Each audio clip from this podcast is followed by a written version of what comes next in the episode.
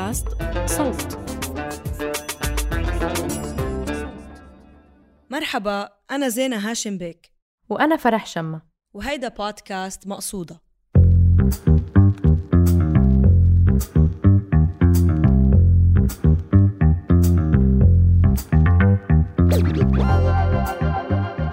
هالبودكاست بيركز على الشعر العربي.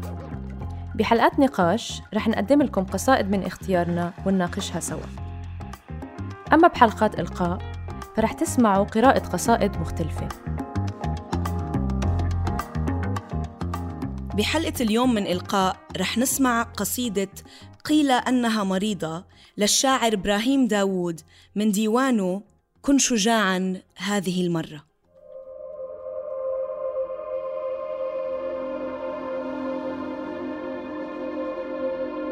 قيل أنها مريضة.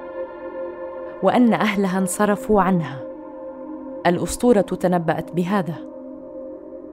ولكن المدينة تعافت. وأضاءت الشوارع من جديد. عاشق غريب ظهر في الناس وبدأ يكنس الشوارع ويسقي الزرع. قيل أنه مجنون. الأسطورة تنبأت بطوفان من العشاق المجانين.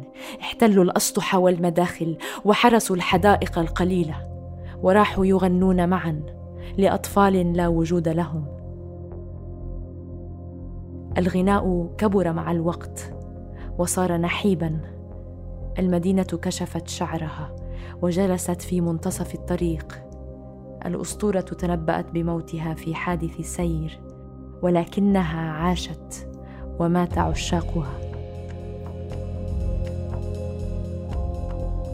هيدا كان بودكاست مقصودة من إنتاج صوت. هيدي القصيدة من كتابة الشاعر إبراهيم داوود وجميع الحقوق محفوظة له. كنا معكم من التقديم زينة هاشم بيك وفرح شمة ومن التحرير جنى قزاز ومن الهندسة الصوتية محمود أبو ندى. النشر والتوزيع تولته مرام النبالي.